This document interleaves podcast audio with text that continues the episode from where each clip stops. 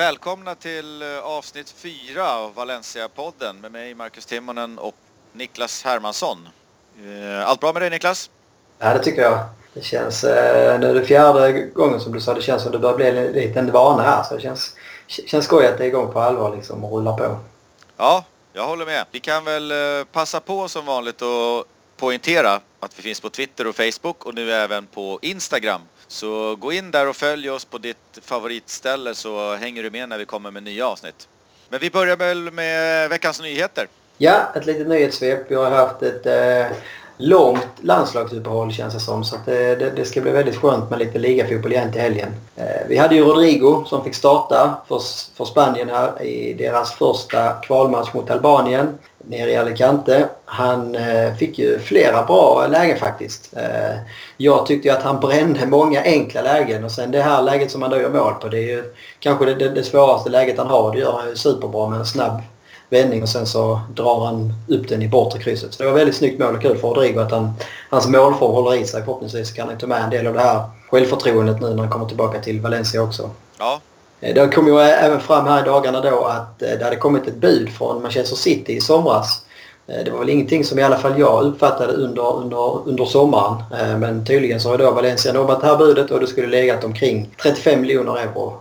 Och det säger ändå en hel del tycker jag om dels Rodrigos ställning i klubben eh, men även hos eh, Marcelino så att säga. Att eh, han tror på Rodrigo så pass mycket att han ville behålla honom trots en, en får man väl ändå säga bra prislapp för det Rodrigo presterat de senaste åren. Han har ju kommit igång i år så förhoppningsvis så kan ju den här prislappen höjas om det nu skulle bli aktuellt med någon transfer. Ja, det ser ut som Marcelino gjorde rätt som behöll honom då.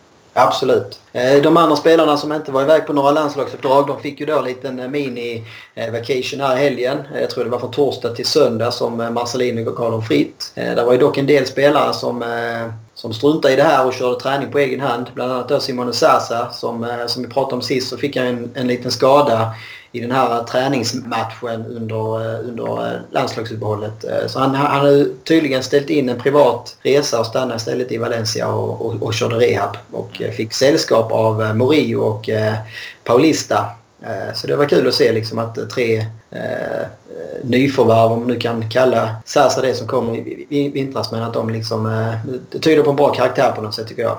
Ja, det såg ut som eh, Sasa var på benen också.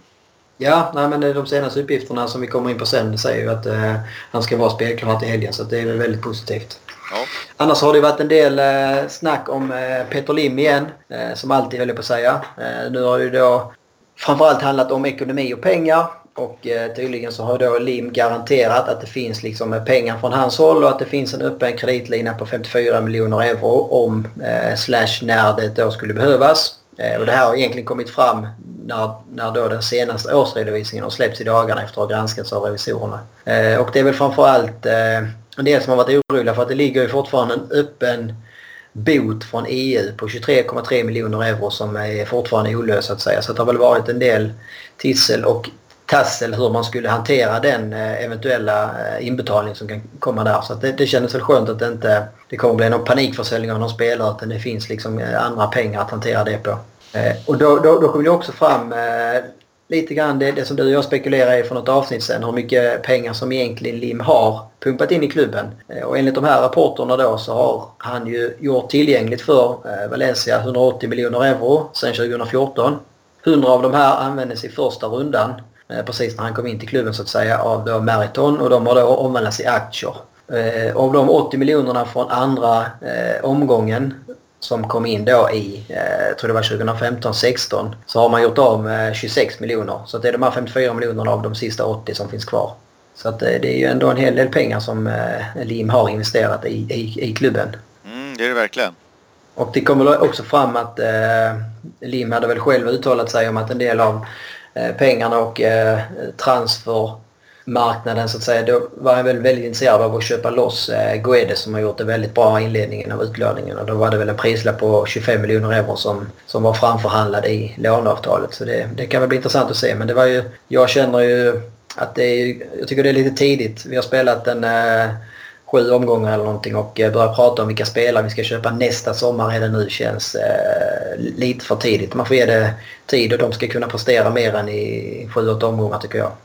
Funderade på eh, Guedes där, har, han, eh, har vi verkligen en option på honom? Jag fick för mig att han, när det där, inte alls ville släppa Guedes någonstans utan bara till en utlåning. Precis, nej jag tror inte heller det att det finns en fast prislapp så de här 25 miljonerna euro är väl mer någon uppskattning från eh, medias håll så att säga. Och det är väl också, där blir det någon slags eh, moment 22 på något sätt. Gör Guedes det alldeles för bra under säsongen så lär den 25 miljoners prislappen säkert vara, vara betydligt högre och då, då kanske också även andra större eh, klubbar med större plånböcker i alla fall kan komma in och eh, konkurrera. Så att vi får hoppas att han gör en sådär lagom bra säsong kanske. Ja, i smyga. Jag vet ja. att eh, vi nämnde väl det i någon tidigare podd. Jag läste också nu att man hoppades på att Peter Lim skulle ringa sin goda vän där, shejken och ja, det. signa på. Det kommer någon nyhet i Superdeporten i veckan här. Ja, nej det är väl alltså det man kan säga om det här det är väl om det nu är så att man liksom känner att Guedes gör en superhöst och att han eh, funkar väldigt bra i gruppen och med truppen och med tränare och allting så eh, så det, det jag skulle kunna tänka mig då, väl, och om PSG så att säga skulle gå med på det, det är väl att försöka få köpa honom helt och hållet i vinter så att säga så att inte dels inte riskera någon konkurrens eh, från andra klubbar mm. men även liksom att det kanske är en lägre prislapp i vinter eh, än det kanske är till sommaren. Ja, Eh, och avslutningsvis så kommer det väl också fram från årsredovisningen att den här nya tröjsponsorn som vi har nu, Blue, mm. eh, det är tydligen så pass bra avtal att den eh, sponsringen eh, enskilt kompenserar för att vi nu får lite lägre tv-peng på grund av att vi har sämre placeringar i ligan. Så att eh, de här platserna i ligan kostar inte oss totalt sett eh, så mycket som man kanske hade trott från början utan att man har fått in de pengarna på annat håll. Så det, det tycker jag också är bra, bra jobbat utanför planen. Ja, de ligger väl i fatet i något år också i och med att tv-avtalen väl beräknas på om det är tre eller fem år bakåt, bland annat på placering då. Precis, ja. Nej, så att det, det är ju att jobba med en lite mindre plånbok de närmaste åren när det gäller tv-pengarna. Ja, då så. Det var nyhetssvepet. Då går ja, vi vidare. det gör vi. Eh, I sedvanlig ordning så rullar vi igång Hermans trippel med tre saker. Vad har vi idag? Idag har vi eh, svenskar som eh, gjort, gjort bra ifrån sig i Valencia. Eh, svenska legender kanske man skulle kunna säga om de i alla fall de två översta. Ja, vad spännande. Och här har vi då för en gångs skull, höll jag på att säga, en, eh, en turordning också. Så vi börjar, vi börjar nerifrån på tredje plats. Där har vi väl egentligen då eh, svenskarna som varit nära Valencia men som inte riktigt blev av. Ja. Det är ju faktiskt så att vi har ju inte, vi har inte haft tre svenskar i som fått äran att dra på sig Valencia-tröjan. Eh, så tredjeplatsen blir ju då en, en mix av spelare istället som på, no, på några sätt under de senaste åren har varit aktuella. Ja. Eh, och de första som jag skulle vilja nämna här är väl egentligen ett koppelnamn som eh, Eh, kanske inte varit supernära och som så här i efterhand eh, det inte känns som någon större förlust att det inte blev någonting. Eh, mest aktuell kanske den sista tiden har väl varit Linus Wahlqvist han var på tapeten framförallt under fjolåret och nu känns det väl som intresset svalnat dels från Valencia-sidan när Nacho, då, den egna produkten, har, har gjort stora framsteg och samtidigt så kanske då Wahlqvist själv inte riktigt har fortsatt sin utveckling på samma sätt som man gjorde fram till 2016. Eh, och nu såg jag senast idag att man eh, spekulerar i eh, värvningar till högerbacksplatsen och Linus namn var inte med där bland de som nämndes där. Det var någon back från Girona som var högst upp på önskelistan där och det är väl, det är väl, det är väl när man ser så att säga att Martin Montoya försvinner om man säger så. Mm. Ett annat namn som har varit aktuellt i olika omgångar skulle jag väl egentligen säga det är John Guidetti, anfallaren. Mm. Han var ju, även här under sommaren så var han ju aktuell som, när Valencia var på jakt, det var ju, eh, kändes som ibland att det var flera hundra anfallare som var aktuella för Valencia och det var väl ett, ett kanske ett självklart namn som dyker upp. Eh, han gjorde ju bra matcher också mot Valencia i fjol så det, det, är väl ännu mer att det blir ett namn som kan vara aktuellt då. En annan eh, eller har du något på Guidetti att flika in med? Jag var i Spanien eh, och läste lite media där och då var ju han cirkulerade som ett namn och då frågade jag faktiskt på ett eh, fik som vi var. En kille som, ja. Eh, eller en gubbe var det, en gammal man som ägde det. Vad han tyckte och han eh, skakade på huvudet och sa ingen Gudetti. Det behövs Nej. inte. Nej, det känns inte riktigt som han har den eh, Eh, ja, jag vet inte, den auran på den. Alltså det är ju ganska så stora skor som, som svenskar kommer in i, vilket vi kommer till efter de, de, de två svenskarna som varit i klubben. Så att det, det, det kommer vara höga krav på eh, svensk nummer tre som kommer till klubben om man säger så. Kanske framförallt en anfallare också. Guidetti har ju inte riktigt levererat mål eh, på löpande band de senaste åren och det är väl den anfallsprofilen som Valencia sökte också. Så det kändes inte som perfect match direkt. Ja, han är ju mer eh, tredje eller fjärde val känns det som ja, i, i ett ligalag. Ja, eh, och en annan landslagsanfallare som varit aktuell är Marcus Berg. Eh, och det är väl egentligen samma sak med honom som med Guidetti. Att det, det har väl sett som en eh, me mellanbudgetlösning egentligen så att säga. När, när Valencia hamnat ett par snäpp ner i eh, eh, Eh, vad, ja, vad säger man, i näringskedjan om man säger så. När, när, när, vi, när vi inte längre kan eh, gå på de allra största namnen så är det de här anfallarna som blir aktuella. Men med Berg så känns det väl som det kanske aldrig riktigt varit nära. Det har väl mer varit eh, ryktesväg att nej, men Valencia söker anfallare, vad har vi i den här prisklassen? Då har Berg varit ett av namnen. Samma sak skulle jag väl egentligen eh, vilja plocka in Emil Forsberg under. Eh, det var ju framförallt under hans eh, första säsong i Bundesliga när han gjorde succé i Leipzig där som Valencia var en av klubbarna som nämndes som då möjlig ny, ny adress. Men eh, han är ju kvar i Tyskland och eh, gör det fortsatt bra där. Så det, det, är väl, det är väl kanske den enda spelaren av de här vi nämnt nu som, eh, som hade varit spännande att se i Valencia. Han har ju en spelstil som jag tror skulle funka bra med, med Marcelinos tänk också. Den här yttern som, som vill gå in i, i banan och ha en bra fot.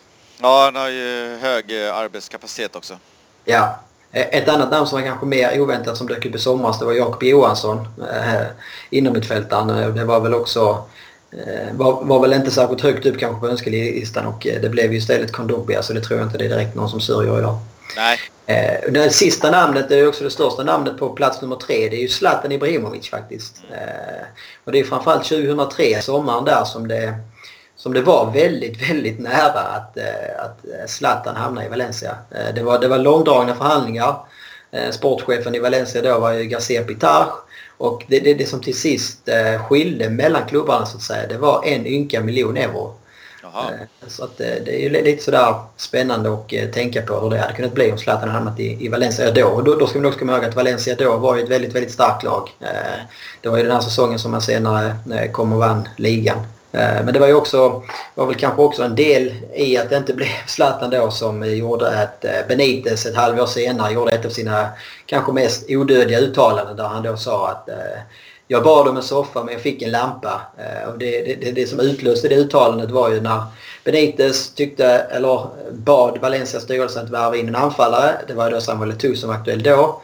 Men istället så, så fick han en ytter i, i, i Canopio. Och eh, det var väl också det som till sist liksom byggde den här sprickan mellan Benitez och eh, styrelsen som gjorde att han då lämnade eh, efter man hade vunnit eh, ligan där sommaren 2004. Ja. Har vi någon koll på vilken ungefärlig prislapp eh, Zlatan skulle ha kommit till Valencia med i sådana fall?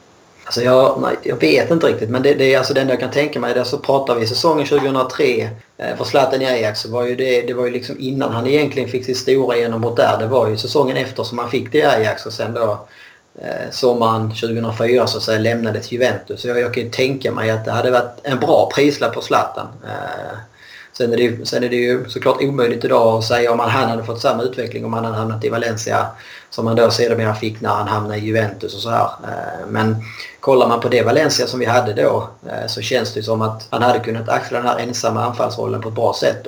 Men när han kommit till Valencia 03 varit med eh, den säsongen när man vinner både ligan och Uefa-cupen så hade det ju såklart också varit en, en, en bra start på hans vidare karriär. Men ja, det är sånt vi bara kan spekulera i nu. Ja, 16 miljoner euro gick han till Juventus för. Ja, och då tror jag säkert att prislappen var ännu lägre ett år tidigare. Så att eh, ja, det hade både kunnat bli en bra eh, sportslig vinst för Valencia men det känns ju också som att hade man fått honom där för 12 13 miljoner kanske, eh, haft honom ett par säsonger och han hade haft sin utveckling så hade det kunnat bli en väldigt bra ekonomisk affär också. Helt klart. Hade vi plats tre där? Det var plats tre. Vi vandrar vidare. Nu blir det, det spännande. Väl, ja precis. Det är väl det är 50-50 nu. En som är två och en som är etta. Eh, Exakt. Men det, det, man också kan säga är väl att det är ett, det är ett gigantiskt eh, avstånd mellan plats två och tre. Och ett eh, kanske betydligt mindre avstånd mellan plats två och ett. Eh, och på plats nummer två så hittar vi ju ingen mindre än Stefan Schwarz. Sådär ja som ofta har gått under smeknamnet Gud i Sverige och svensk media. Eh, och internationellt sett så var han väl kanske egentligen som allra störst nere i Portugal och Benfica. Eh, men han har ju även hunnit med klubbadresser som Arsenal, Sunderland, Fiorentina, Bayer Leverkusen. Så det är ju en spelare som liksom har spelat i alla de stora ligorna i Europa. Eh, vilket ändå är imponerande får man säga. Och då var ju även en viktig kugge i det här odödliga 94-laget som tog brons i USA. Just det.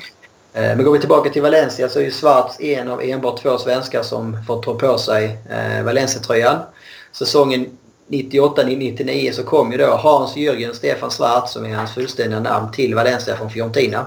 Eh, hans sejour i Valencia blev ju dock bara ett år. Han sommaren efter så sökte han sig tillbaka till England igen. Hamnade i Sunderland och där han då sedermera avslutade sin karriär.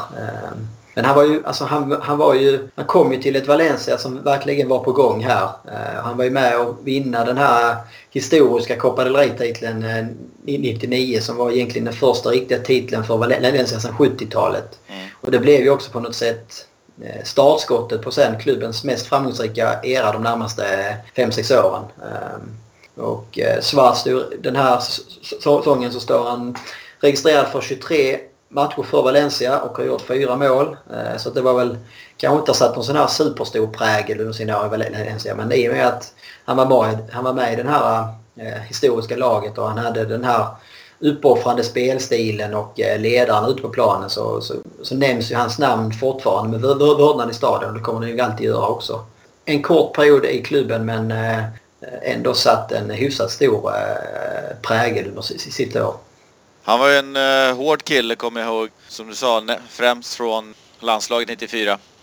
Ja, nej, men han har väl den här klassiska när han eh, dels får han ett benbrott i en match och han eh, liksom försöker springa bort det. Eh, och han har väl någon när han drar hälsenan men eh, vägrar liksom sig ut på båret att han ska gå av själv. Så att han var ju, eh, det är väl det han är mest känd för, liksom sin hårdföra stil.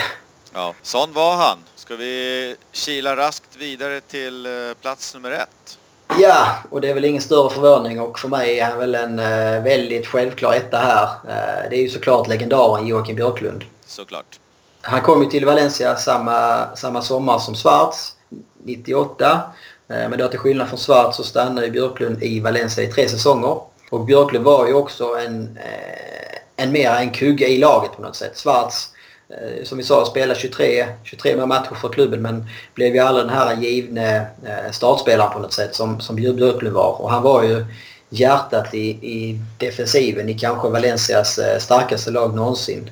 Och det var ju bakifrån som man byggde laget då. Man hade en väldigt solid defensiv där med Björklund, Djukic, Anglomar och Carboni kanske framförallt. Och det var ju det som var nyckeln till framgångarna och då Copa del Rey-triumfen och de två raka CL-finaler som man då tyvärr förlorade. Och året efter som Björklund lämnade då tyvärr så, så kom ju också den efterlängtade ligatiteln. Och det, det som är lite kul med Björklund är att under hela sin långa karriär, alltså både i Valencia och alla andra klubbar som han varit i, så har han då spelat 335 eh, professionella matcher och han har gjort 79 landskamper för Sverige. Men han har bara gjort ett enda mål. Eh, och det kom borta mot eh, Racing Santander nick på hörna. Det innebar tre poäng för Valencia då. Eh, och eh, det blev faktiskt viktiga poäng för det var precis i, i, i sluttampen där. Så att de här tre poängen gjorde sen att man, man kvalificerade sig för Champions League kommande säsong och då tog man sig alltså hela vägen till final. Ja, det gäller att göra de viktiga målen. Ja, precis. Eh, nej, så Björklund är ju är för alltid inskriven i Valencia historieböcker och det, det är också intressant tyckte jag eh, när man bodde i staden liksom och hamnade i en fotbollsdiskussion på någon bar omkring Mestalla och så här och berättade liksom att man kom från Sverige och så här och det var det ju, det var ju det var ju Björklund som folk ville prata om om man säger så. Så hans gärning i klubben och kanske framförallt hans hela hans personlighet och hans timida framförhållning på något sätt. Eh, samtidigt som han då hade en uppoffrande speltid där han alltid gav allt för laget och spelade liksom för klubbmärket och med hjärtat. Det är det som har gjort honom odödlig på eh, läktarna på något sätt. Men Björklund blev ju också han har väl blivit ännu större också eftersom att han då eh, han lämnade Valencia och eh, tror att han spelade en tid i England. Han är också efter hans tid i Valencia. Eh, men sen när han avslutade karriären så flyttade han tillbaka till Valencia igen och bor ju där än idag. Och eh, har jobbat som, jag vet han jobbat som scout och så här åt klubben på, på olika uppdrag. Men eh, nu sen ett drygt halvår tillbaka så är han ju med i Valencias organisation och är faktiskt tränare för eh, Valencias ynglingar under 14 år tror jag det är.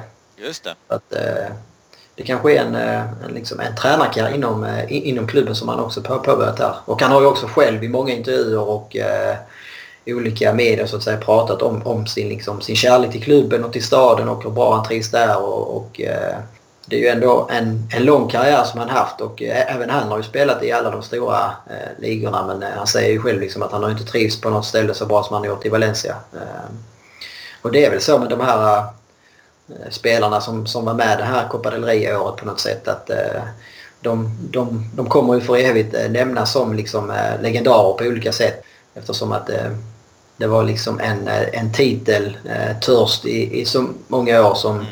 Eh, som liksom kom med Copa del och två raka CL-finaler och eh, på något sätt så även om man förlorar finalerna så så blir det kanske ännu mer ihågkommet för just det. Att eh, det är väldigt ovanligt att man, att man tar sig till två CL-finaler och jag tror att många som inte liksom behöver vara rena Valencia-fans på något sätt ändå tyckte synd om, om spelarna och, och klubben liksom när man då andra året i rad åker på en snöplig förlust mot Bayern på straffar. Ja, för han kom ju från eh, Rangers. Det känns lite udda att eh, Valencia hämtar spelare därifrån. Ja, ja han har en liten eh, brokig karriär. Jocke Björklund faktiskt. Men det är väl detsamma med, det känns ju egentligen så, kollar man både på Björklund och Svarts kanske ännu mer. Det känns inte som de typiska spelartyperna som kanske ska lyckas i spansk fotboll.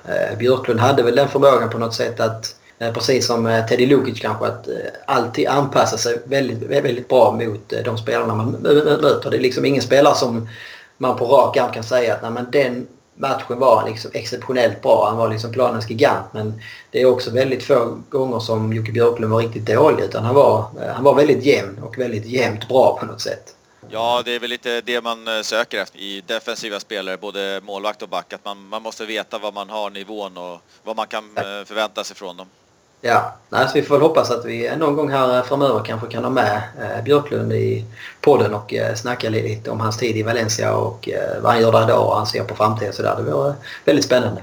Ja, det vore inte helt fel. Då hade vi eh, trippen med de som det inte blev någonting med på tredje plats, eh, svenskarna ja. alltså.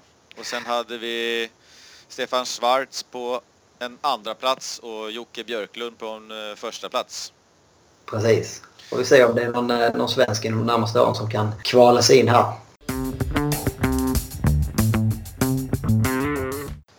Så här mitt i podden eh, är det som vanligt dags för Pandoras ask som vi med stor spänning ska kika ner i.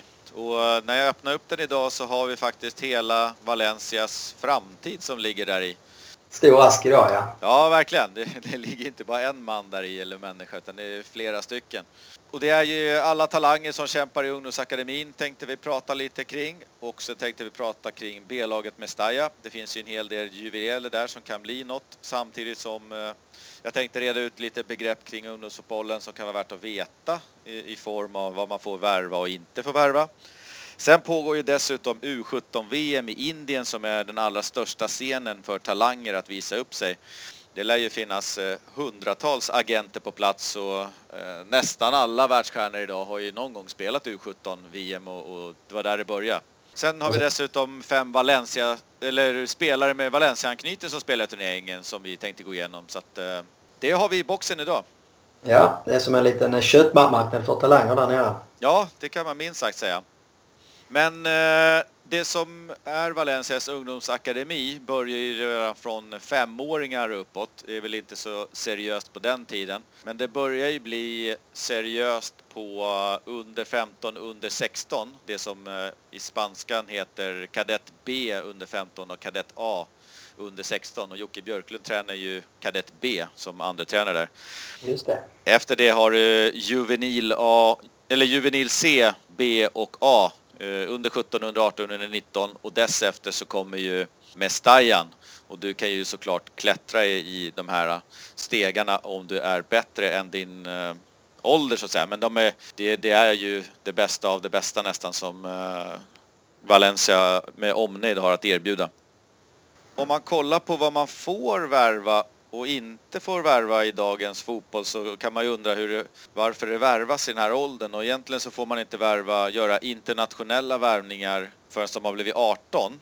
Men då finns det faktiskt ett undantag, eller ett par undantag som gör att man eh, ändå kan värva spelare och det är om man eh, flyttar med eh, familjen eller barnets föräldrar till det landet där man värvar barnet och eh, då får det anledning till flytten inte vara relaterat till fotboll. Det, det, känns, det är också sån här typisk klassisk Fifa-regel som inte får någon slags verkan alls. Liksom. Den blir helt tandlös. Ja. Varför skulle liksom en familj från Sydamerika helt plötsligt eh, flytta till Madrid eh, för att ja, men det hade varit kul? Och, ja men oj, ja, men du, kanske, du kan spela i Real Madrid också. Det blir ja. liksom det blir löjligt på något sätt. Alltså kör ha det hellre öppet då också. Det blir samma villkor för alla på något sätt kan jag tycka.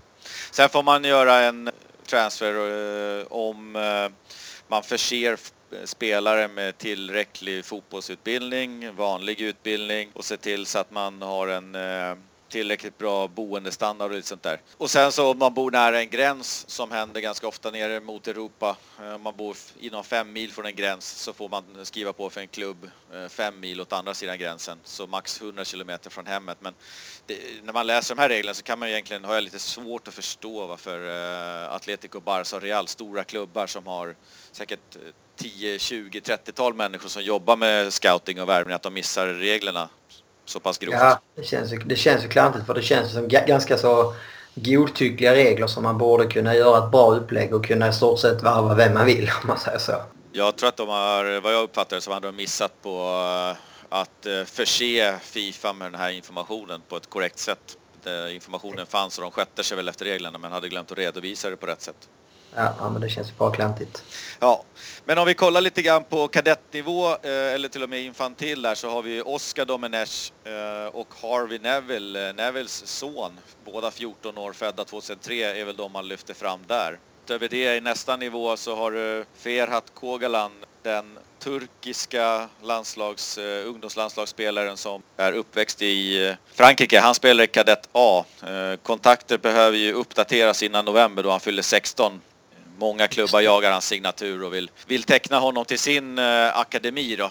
Han har varit på kartan väldigt länge. Jag vet att han var i Manchester, precis som jag skrev här, att på en artikel på Svenska fans, att han var i Manchester förra sommaren och kollade till Carrington och eh, då krävde Valencia 13 miljoner. Eh, han var då 14 år. Ja, det är bra, bra pris för en 14-åring. Helt klart. Eh, United tyckte då att han hade varit något för dyr för sin ålder och släppte den. Nu väntar ju flera av storklubbarna på att han ska bli 16 år i november så att de kan signa upp honom. Så får vi se vad som händer där. Barca vet jag var på jakt efter honom eh, när han var 12, 13, 14 där, men tyckte att han var lite för egoistisk för att passa in i deras eh, tiki-taka. Det skulle krävas en ganska stor omställning. Okej, okay. ja men det... Så kan det gå ibland. Sen har vi ja. Kangin Lee och vi går in på juvenil nivå under 17, under 18, under 19. Eh, det är väl den största snackisen egentligen i talangleden hos eh, Valencia. Central mittfältare har precis skrivit kontrakt i 2019 med garanti om spel i juvenil under den här säsongen 2017-2018 och sen eh, ska han spela i Mestalla 2018-2019 och kontraktet förlängs automatiskt till 2020 om han spelar ett antal matcher sen för Mestalla. Utköpsklausul på 10 miljoner som ökar varje år och han är inte med i U17-VM i eh, Indien som pågår just nu. Eh, Sydkorea är inte med, men Nordkorea är med då. Eh, dessutom så, eh, dessutom så tillhör han faktiskt U19-laget som ska spela en liknande turnering, den asiatiska mästerskapen eh, om ett år. Så att han spelar redan med ett par hack högre. Ja, det är rätt starkt som 16-åring att ta en plats där. Ja, han bad dessutom själv om ett lite kortare kontrakt med Valencia när de skrev under det ganska nyligen. Och istället för längd på kontrakt och mer pengar i lön så hade han velat haft sportsliga garantier om att han ville tillhöra då U17, U19, U18, U19 och sen eh, Mestalla nästa år. Eh, och han har sagt att han kommer stanna i klubben så länge klubben satsar på honom. Så det verkar ju vara en eh, kille som trivs i klubben. Ja, han verkar ha en sund inställning till fotbollen också. Liksom att det inte bara handlar om pengar nu utan lite mer långsiktigt tänk kanske. Ja. Sen har vi ett antal 17-åringar som är födda 2000 som då spelar i Juvenil A som är akademins eh, sista nivå och det är väl där man bör kunna se vilka stortalanger som finns. Eh, och vi har väl egentligen tre stycken som jag tänkte lyfta fram. Och det är eh, Pablo Jiménez, brorsa till Xavi Jiménez. Just det.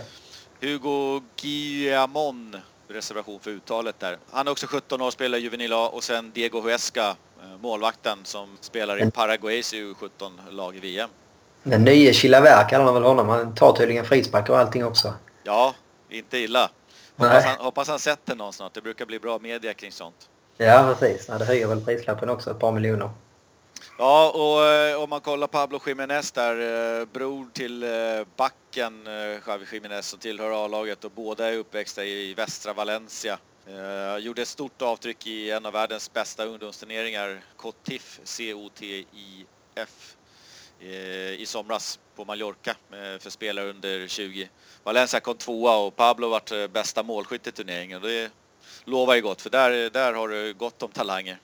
Ja, men jag vet att det, brukar, det är en väldigt stor grej den här turneringen i, i, i Spanien. Det skrivs ju väldigt mycket om den i, i stor spansk sportmedia. Och det är väl också smart att man har den liksom under sommaren när den tar så mycket konkurrens med annat. Så det, det, brukar vara kul att följa. Ja, jag har inte sett det än så länge. Jag har kollat lite resultat därifrån men eh, Valencia brukar vara med varje år och går rätt bra. Guillamon eh, spelar som eh, mittback i eh, U17-laget i Indien just nu och han har fått spela de två första matcherna.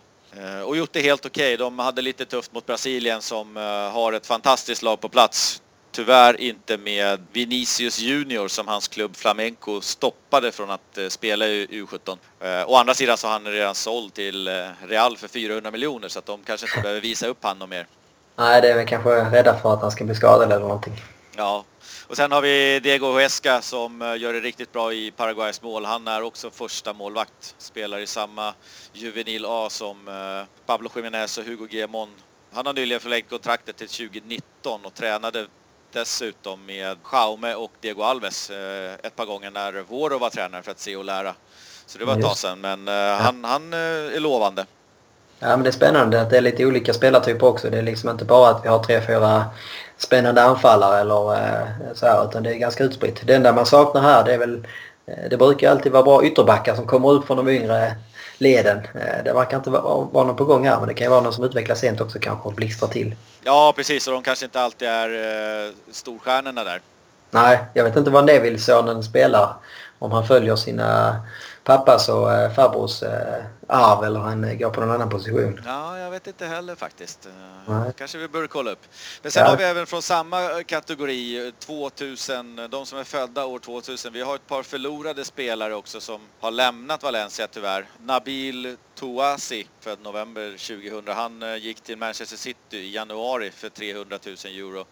Och det är en summa som ökar till 2 miljoner om han nu skulle göra debut för A-laget i, i City. Sen har vi några som gick, Victor Schust och Abel Ruiz. Båda de spelar i startelvan i U17-VM.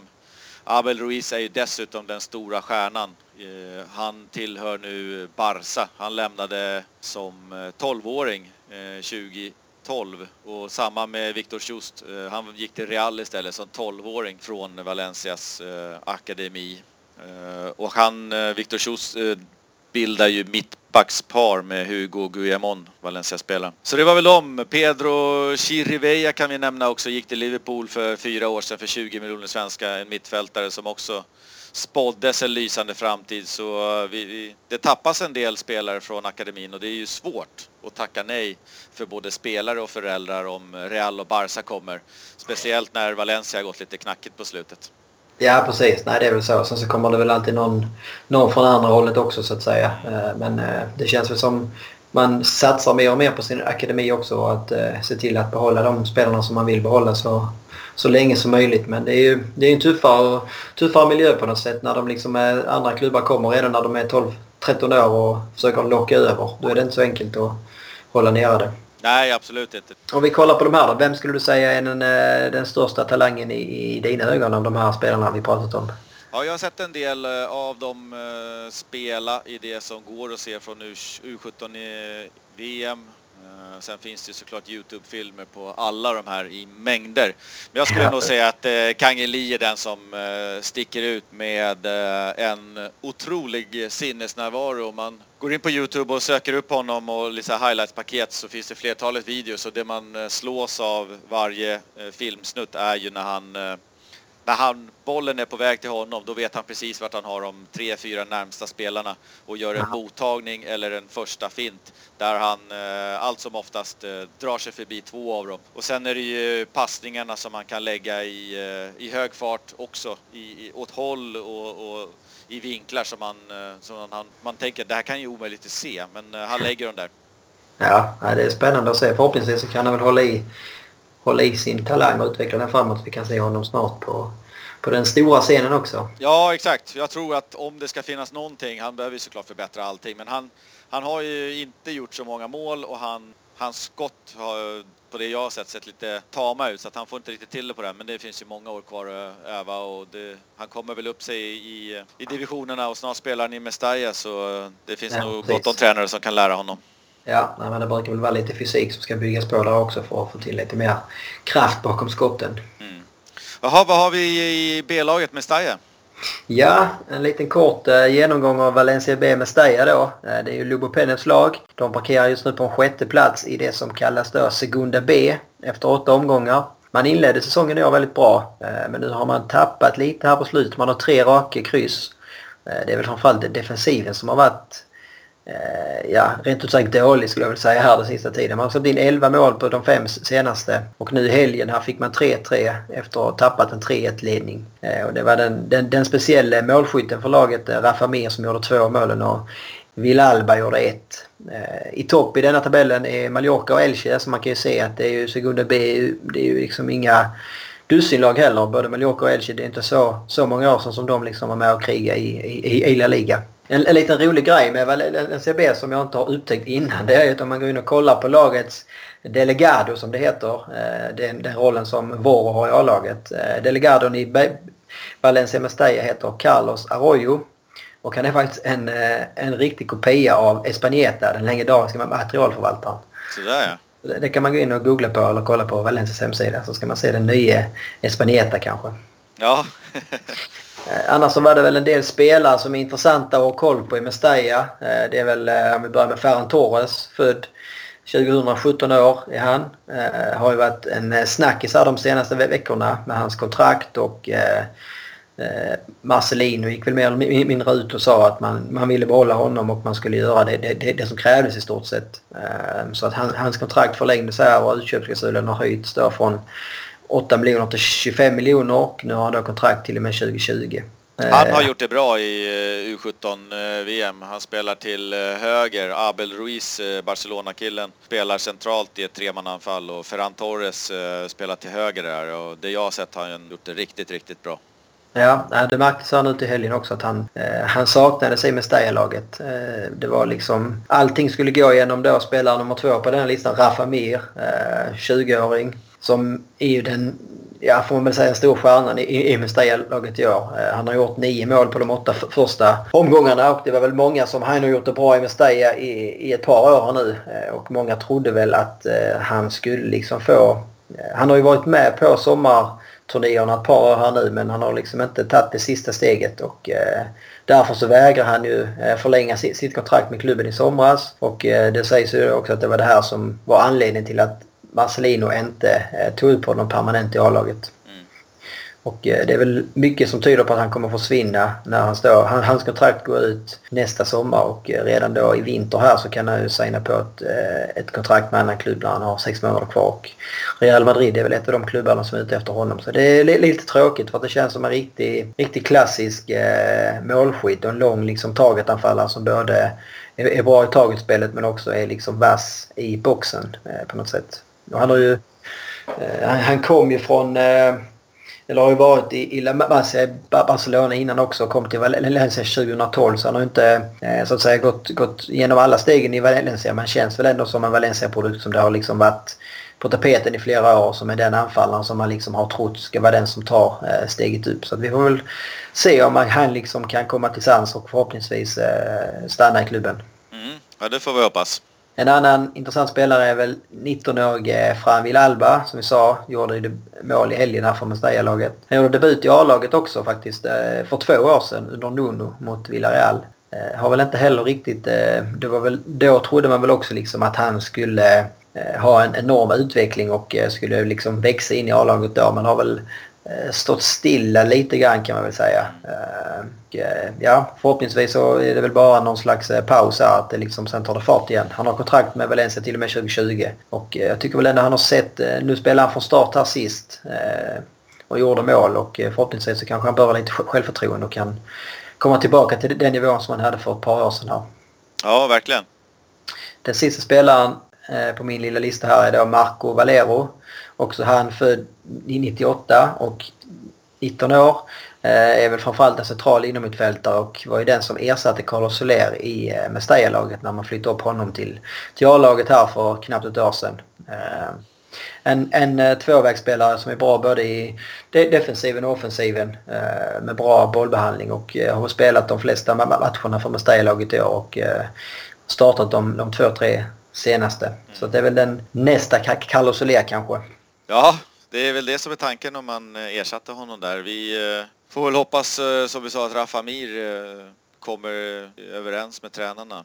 Ja, nej, men det känns som att eh, det hade varit kul att se, se honom i alla fall en halv hel säsong i A-laget vad han kan göra där när han får lite regelbunden träning med A-laget och får liksom eh, matchas in eh, och kunna göra lite, lite, lite inhopp. Det blir olyckligt för det kändes ju som att Eh, det var liksom ett perfekt läge för honom i somras och gå in och ta den här tredje anfallsplatsen i, i, i truppen. Eh, men så blev det där strul med kontraktet och så blev det ingenting istället. Så det känns lite tråkigt. Ja, verkligen. Rafamir, det är väl den vi har att hålla ögonen på i Mestalla så får vi se om det löser sig i framtiden. Ja, nej, men det är väl han som, precis som du säger, det är väl han det kommer att hända eh, saker med de närmaste månaderna här när, eh, om inte han förlänger sitt kontrakt så blir han liksom öppen för andra klubbar att approacha redan i, i december. Det är det, det som är lite kul med, med Spanien tycker jag är namnen på de här allra yngsta grupperna. Eh, de allra yngsta spelarna, fem, fem och sexåringarna, kallas då i Spanien för mikros. Ja, just det. Eh, och sju och åttaåringarna kallas för pre-Benjamin och nio tioåringarna för Benjamin. Mm. Så det känns som de var lite mer eh, fantasifulla namn i Spanien än i Sverige där vi liksom kör knattar, P8, P9, P10. Ja, allting kretsar väl kring P va? Ja, det är lite så. Ja, men då så. Då stänger vi locket så får vi se vad som dyker upp där nästa gång. Ja.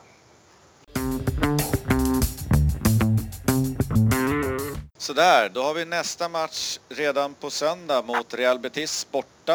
Eh, så vi kan väl gå igenom den matchen innan vi kliver in på vårt eh, lilla tips.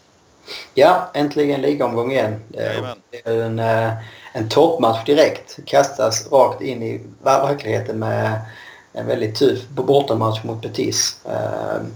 Det är också lite grann eh, Kiki Setien mot Marcelino. Eh, det är väl kanske Spaniens just nu två hetaste tränare. Eh, kanske också Europas två hetaste lag här under hösten som har fått någon slags återupplivning på något sätt efter att ha haft lite tunga säsonger bakom sig. Men det är också, känns också som det är två tränare och lag som har liksom vitt skilda filosofier. igen gjorde det superbra i fjol med Las Palmas. Nu har han liksom kommit in i Betis och fått en flygande start här med en fotboll som väl kan beskrivas som mer underhållande kanske än då Marcelinos mer raka och direkta fotboll på något sätt. Eh, det har ju varit, eh, som vi pratade innan om inledningen, så har det ju varit en hel del frågetecken för eh, Simone Sassa. Nu har han varit med och tränat med laget under de sista dagarna så att allting tyder på att han ska vara fit for fight i helgen här vilket såklart är väldigt positivt. Det har också varit en del andra spelare tillbaka i träning, bland annat då Ruben Vesso som har varit borta sedan premiären i stort sett väl. Så att eh, vad man förstått så är det väl första gången denna säsongen som Marcelino då har samtliga spelare tillgängliga. Eh, lite lyxproblem och eh, det är en del tuffa beslut att han då kommer behöva placera någon frisk spelare så att säga helt utanför truppen på, på eh, läktaren helt enkelt. Så att det är väl inte... Det är, självklart är det angenäma problem men det är också någon slags balansgång eh, i eh, psykologin här så att säga och hålla, hålla spelarna på gott mod trots allt. Ja, och det är inte eh, som det var för någon vecka sedan, tre matcher på en vecka nu. Nästa match är ju förrän eh, om eh, ja, på lördag om en vecka, en vecka senare. Precis. Ja, nej, men nu är det ju här. Nu spelar man, nu är det inga veckomgångar förrän vi är inne i, i, december tror jag. Så att eh, det finns liksom ingen anledning att vila spelare eller göra någon slags rotationer. Utan nu är det ju verkligen spela med det starkaste laget varje var, var, gång. Och framförallt när vi då liksom har Betis nu och sen omgången efter har vi Sevilla hemma. Det är ju två otroligt viktiga matcher för hur, hur det ska se ut i toppen och om man ska fortsätta haka på där. Ja, Eh, och det är väl positivt från då Valencias synvinkel det är ju att eh, Xavi Garcia, eh, Betis viktiga mittfältare, kommer inte vara med. Han saknas på grund av skada. Och det, det som ställer till det för Kike Setien här är väl egentligen att han har ju inte något klockrent alternativ i truppen och kunna kasta rakt in här på den positionen utan det känns som Garcia är ju en av deras viktigaste spelare skulle jag säga. Man kan väl även sätta en del frågetecken till både Gordado och Sanabria som har haft eh, VM-kval i eh, Syd och Centralamerika här under veckan. Och det brukar ju innebära eh, lite slitna spelare som jag återvänder då dels med tidsskillnaden och dels är det liksom långa flygresor. Så det, jag tycker man brukar kunna se det omgången efter de här VM-kvalen att de, de sydamerikanska spelarna ser inte helt pigga och friska ut direkt. Och där har vi ju positivt i Valencia nu att vi inte har någon som är på varit iväg på sådana äventyr. Nej, det är väl Lato och Soler som har varit iväg med U21. Just det, precis. Men... Eh, ja, precis. Och så var det då Rodrigo som vi pratade om. Men han spelade ju första matchen mot Albanien men så satt han ju på bänken hela mot... Eh, det var väl Israel eller vad var det? Nej, men i alla fall så fick han ingen speltid då. Det var ju, eh, det var ju såklart tråkigt för honom men det kändes skönt inför helgen här att eh, han inte fick i 90 minuter benen här i, i tisdags. Och, eh, kommer liksom nu fit for fight och kan uh, träna på uh, inför denna viktiga omgången känns det som. Ja, Betis kommer ju från en stark uh, sluttamp här. Ja, nej, men det känns som de har väl uh, växt för varje omgång på något sätt. och de har gjort ett par otroliga mål som har cirkulerat runt där på, på Twitter och sådär där man har haft eh, över 20 passningar inom laget och sågat sig igenom lagdelarna och sen så avslutar man då liksom med trixa sig igenom och så är det ett inlägg och så är det öppet mål. Så det är på något sätt man har nästan spelat sån här eh, Sovjet-klapp-klapp-hockey eh, eh, på något vis. Så att, det, det blir nog Bortsett från Real Madrid borta så är det här den största utmaningen än så länge för det här Valencia-laget skulle jag säga. För att Real Madrid borta å ena sidan. det är egentligen ingen som räknar med att Valencia ska vinna eller ta poäng kanske. men nu är det, jag tror fler, ännu mer nu efter den starten som vi har fått och Betis har ju liksom inte samma respekt med sig men jag tror att det, det kommer bli en väldigt svår nöt för Marcelin att knäcka. Ja, senast så spelade vi faktiskt eh, Real Sociedad borta 4-4, en riktig svängdörr. Ja, just det. Den ja, han mycket mål eh, i deras omgångar känns det som. Ja, och innan dess hade de ju segrar mot Deportivo och mot Real Madrid borta när de gjorde mål i slutsekunden där. Och sen ja. 4-0 mot Levante och sen 4-4 borta mot Real Sociedad. Så det är ett starkt lag, bra form. Ja, ja nej, det känns som att det är två formstarka lag som drabbar samman. Valencia kommer ju med tre raka segrar också så att eh, det är ingen dålig formkurva på vårt eget lag heller. Nej, och apropå det, ska vi gå in på vårt lilla tips som du fortfarande leder med 2-1? Ja, just det. Jag har fortfarande... Det var ju skönt att jag inte har tappat ledningen här under denna veckan när vi inte haft någon match. Nej, exakt. Det hade varit konstigt. Eh, ska jag börja? Det kan du gärna göra. Jag eh, kliver på ett kryss här faktiskt. Jag tror att det blir 1-1. Eh, jag eh, gissar på Parejo som målskytt. Skulle kunna vara frispark eller straff. Ja, jag är ju lite mer optimist, eller eh, kanske naiv. Jag tror det blir seger. Jag tror att man för tredje matchen i rad avgår med en 3-2-seger. Man har fått igång målskyttet rejält de sista tre matcherna och Valencia har gjort 11 mål. Jag tror det fortsätter nu med Rodrigo och Sasa i toppform. Eh, men också ett Betis som, som gör mycket mål framåt. Eh, så ja, jag tror det kan bli eh, en väldigt underhållande match med mycket målchanser och där förhoppningsvis också en hel del mål. Frågan är vem som gör det första målet? Ja, jag tror att det är dags för Rodrigo att göra första faktiskt. Okej. Okay.